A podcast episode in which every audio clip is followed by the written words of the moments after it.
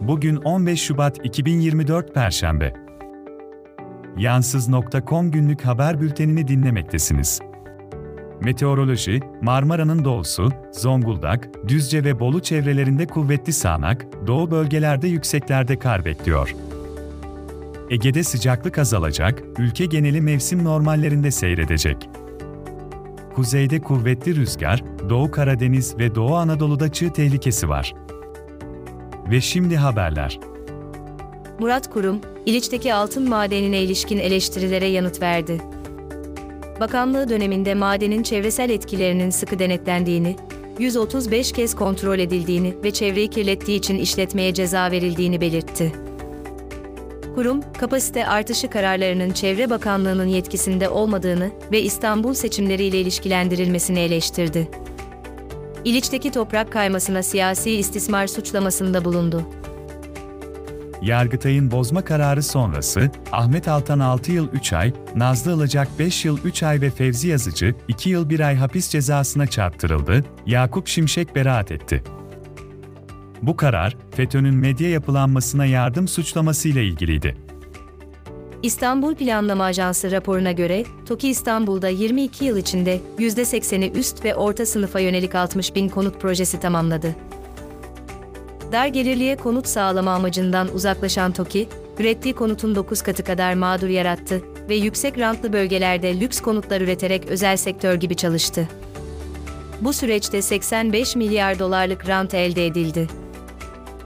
Cumhurbaşkanı Erdoğan, Danıştay'ın 450 yargı mensubunu göreve iade kararına ve Anayasa Mahkemesi'nin aldığı bazı kararlara sert tepki gösterdi. FETÖ ile mücadelenin devam ettiğini belirten Erdoğan, bu kararların rahatsızlık verici olduğunu ifade etti ve Cumhur İttifakı olarak sessiz kalmayacaklarını vurguladı. Gazeteci İrfan Değirmenci, Halk TV'deki işini bırakıp Türkiye İşçi Partisi'nden Ankara Çankaya için belediye başkan adayı oldu. Çankaya'daki yaşamından bahsederek adaylığını duyurdu ve değişim odaklı belediyecilik vurgusu yaptı. Paris'te İstinaf Mahkemesi, Nicolas Sarkozy'nin 2012 seçim kampanyasını yasa dışı finanse ettiği gerekçesiyle aldığı bir yıl hapis cezasını onayladı. Sarkozy, seçim yasalarını ihlal edip harcama sınırını aşmakla suçlanıyor. Cezası elektronik kelepçe ile infaz edilebilecek. Sarkozy suçlamaları reddediyor ancak mahkeme harcama sınırının aşıldığına dair bilgilendirildiğini ve müdahale etmediğini belirtti. Amerika Birleşik Devletleri'nde istihbarat alarmı, Rusya uzaya nükleer silah göndermeye çalışıyor.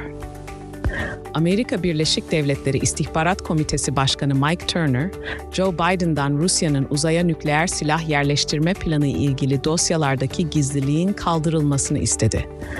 Bu ciddi bir ulusal güvenlik tehdidi olarak görülüyor. Rusya'nın bu teknolojiyi hala geliştirme aşamasında olduğu ve mevcut durumun bir tehdit oluşturmadığı belirtiliyor. İlgili güvenlik tehdidi Rusya'nın uzaya anti-uydu silahı göndermesiyle alakalı. Kremlin sözcüsü Dmitri Peskov, Amerika Birleşik Devletleri medyasında yer alan Rusya'nın uzaya nükleer silah konuşlandırma planı iddialarını aldatmaca olarak nitelendirdi. Amerika Birleşik Devletleri'nin bu iddiaları Ukrayna, İsrail ve Tayvan'a yardım paketini kongreden geçirmek için kullandığını belirtti. Peskov, Rusya'nın Ukrayna'daki operasyonunun devam edeceğini ve Batı ile NATO'ya karşı savaş şeklinde süreceğini ifade etti. Kıskananlar da bu hafta. Almanya, 4,5 trilyon dolarlık gayri safi yurt içi hasıla ile Laponya'yı geçerek dünyanın en büyük üçüncü ekonomisi oldu. Japon yeninin dolar karşısında değer kaybetmesi ve Almanya'nın ihracata dayalı güçlü performansı bu değişimde etkili oldu. Ekonomistler, önümüzdeki 10 yılda Hindistan'ın her iki ülkeyi de geride bırakacağını öngörüyor. Nvidia bir yılda %224.60, 4 artışla hisselerini yükselterek 1 trilyon 825 milyar dolar piyasa değeriyle Amazon ve Alphabet'i geride bıraktı. Böylece Amerika Birleşik Devletleri'nin en değerli üçüncü şirketi oldu. Bu süreçte Alphabet dördüncü, Amazon ise beşinci sıraya düştü. Microsoft ve Apple sırasıyla ilk iki sırada yer alıyor. Greco-Romen milli takımı, Romanya'daki 2024 Avrupa Güreş Şampiyonası'nda 2 altın, 3 gümüş, bir bronz olmak üzere 6 madalya kazanarak üst üste ikinci kez Avrupa şampiyonu oldu.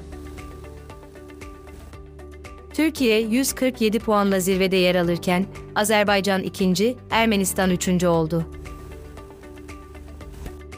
Epic Games Store, Steam'de 600 lira değerinde olan Dakar Desert Rally oyununu 15-22 Şubat tarihleri arasında ücretsiz sunuyor. Saber Porto'nun geliştirdiği bu yarış oyunu, çeşitli araç seçenekleriyle ve çevrim içi oynanabilme özelliğiyle dikkat çekiyor. Araştırmaya göre her 10 ebeveynden 7'si, aile yaşamının kendilerini hasta ve yorgun hissettirdiğini, bu durumun partnerleriyle ilişkilerine de zarar verdiğini belirtti. Çoğu ebeveyn, çocuklarının büyümesi sürecinde kendilerini kötü hissetmelerine rağmen duraksamadan devam etmek zorunda olduklarını ifade etti.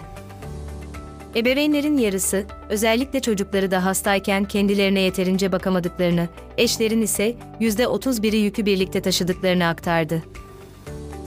Rusya Başkanı Vladimir Putin, Rus bilim insanlarının kanser aşısı ve yeni immünomodülatör ilaçlar üretmeye çok yakın olduklarını açıkladı. Hangi kanser türleri üzerine çalışıldığı belirtilmese de, bu aşıların yakında etkili bireysel terapi olarak kullanılacağı umuluyor. Bu arada dünya genelinde kanser aşısı geliştirme çalışmaları devam ediyor. BioNTech ve Moderna gibi şirketler de önemli ilerlemeler kaydediyor. Günlük bültenimiz için bildirim almak isterseniz WhatsApp ya da Telegram kanallarımızı takip edebilir. Sosyal medya hesaplarımızı takip ederek, paylaşımlarımızı beğenerek ve yorum yazarak bize destek olabilirsiniz. Tüm bağlantılar ve daha fazlası için yansiz.com adresini ziyaret edin.